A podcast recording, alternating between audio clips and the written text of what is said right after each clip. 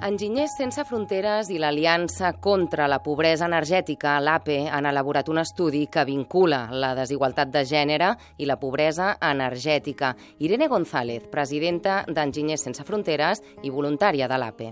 Hem vist que els indicadors oficials que trobem sovint emmascaren desigualtats i tenen un viatge androcèntric que és molt urgent que treballem en interseccionalitats d'indicadors per descobrir quines són realment les situacions d'opressió que ens preocupen, que hi ha un procés de feminització de la pobresa i una major vinculació de les dones encara a l'espai de la llar i que tot això comporta a una major vulnerabilitat per patir pobresa energètica. Al mateix temps, la pobresa energètica té unes conseqüències molt profundes en les dones i és, es transforma en un peix que, que es mossega la cua. Per tant, creiem que calen polítiques de gènere transversals que abordin eh, aquest risc polítiques de gènere transversals que pateixen dones com la Cristina Garcia, de 47 anys, i veïna del barri de la Salut de Badalona, un barri amb alta ocupació de pisos de gent que no pot pagar un habitatge. Ella no està ocupant actualment, però els seus veïns tenen els subministraments punxats. Vivo con mis cuatro hijos, tengo tres menores, tres nenas y un mayor, que bueno, que trabaja, pero muy esporádicamente. Estoy en el paro, estoy cobrando una ayuda voy pagando mis facturas como puedo, ahora ya me vienen bajitas porque tengo bono social, luego en, en aguas también, tengo lo del Fondo de Solidaridad de ABBA y bueno, lo que ocurre es que me arrastró una deuda de, de los dos años, tres años que he estado, que no podía pagar nada, nada, bueno, tengo una deuda de, de cada suministradora de, de unos mil euros o mil y pico. No li poden tallar els subministraments gràcies a la llei contra la pobresa energètica catalana, la 24-2015, fruit d'una iniciativa legislativa popular. La Cristina ens explica com l'ha ajudat formar part de l'Aliança contra la Pobresa Energètica. Pues a visibilizar muchísimo el problema. Además, eh, por ejemplo, en AP la mayoría somos mujeres. Puedes ver en, en la asamblea cinco o seis hombres, pero luego somos 20 mujeres, ¿no? La portavoz es mujer. Pierdes la vergüenza de decir, oye, que no, que debo un montón de facturas, que es que no puedo pagar la luz, ni el agua, ni, ni el gas, y, y debo un montón y no puedo. Ese miedo eh, lo pierdes, ¿no? Lo que es muy triste que se sigan considerando tanto la luz, el agua como el gas como un lujo comprarte un coche es un lujo, pero tener derecho a luz, agua y gas es que es un derecho básico. Entonces eso esperemos que cambie.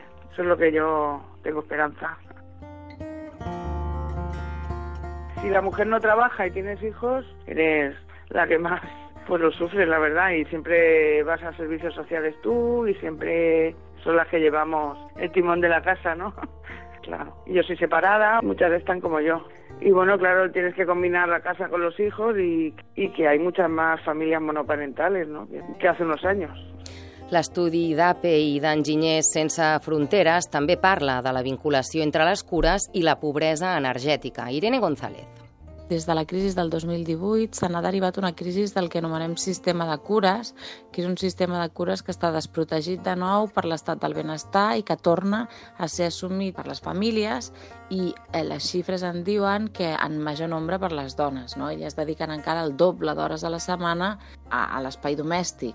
Això implica que les dones estan major, molt vinculades a l'ús de l'energia en aquest espai privat. No? Per tant, això les fa més vulnerables a les conseqüències que suposa la privació dels béns energètics.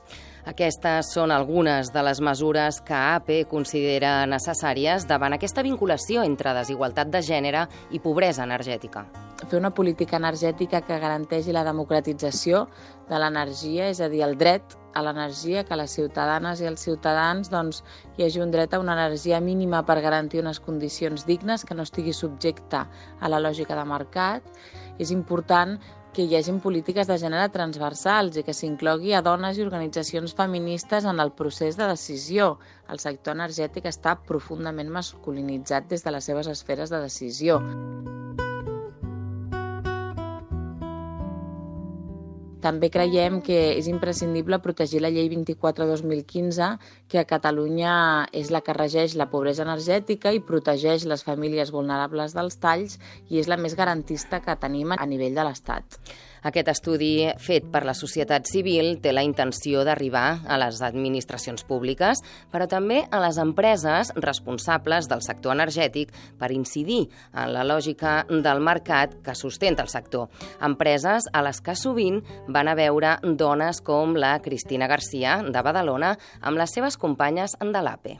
Hemos ido a Andesa para, bueno, cuando al principio que yo no estaba, que era cuando cortaban la luz a los que no podíamos pagar, Luego se han hecho más acciones para que pusieran contadores, como hace ambas, ¿no? Contadores solidarios para la gente que está ocupando viviendas por necesidad, familias que tienen que verse obligadas a, pinchar los suministros, porque no, o sea, como no tengas una titularidad de la vivienda, se niegan, ¿no? A poner contadores. Y claro, estas personas están esperando alquiler social por parte de un banco. El, esto del alquiler social va súper lento y claro, hasta el periodo que ya tengan alquiler social pueden pasar dos años, tres, y estas personas están pinchadas con el peligro que eso, que eso tiene, ¿no? Actualment, la Cristina i les seves companyes de l'Aliança contra la Pobresa Energètica estan duent a terme una campanya per aconseguir que les empreses de subministraments els condonin el deute que han acumulat.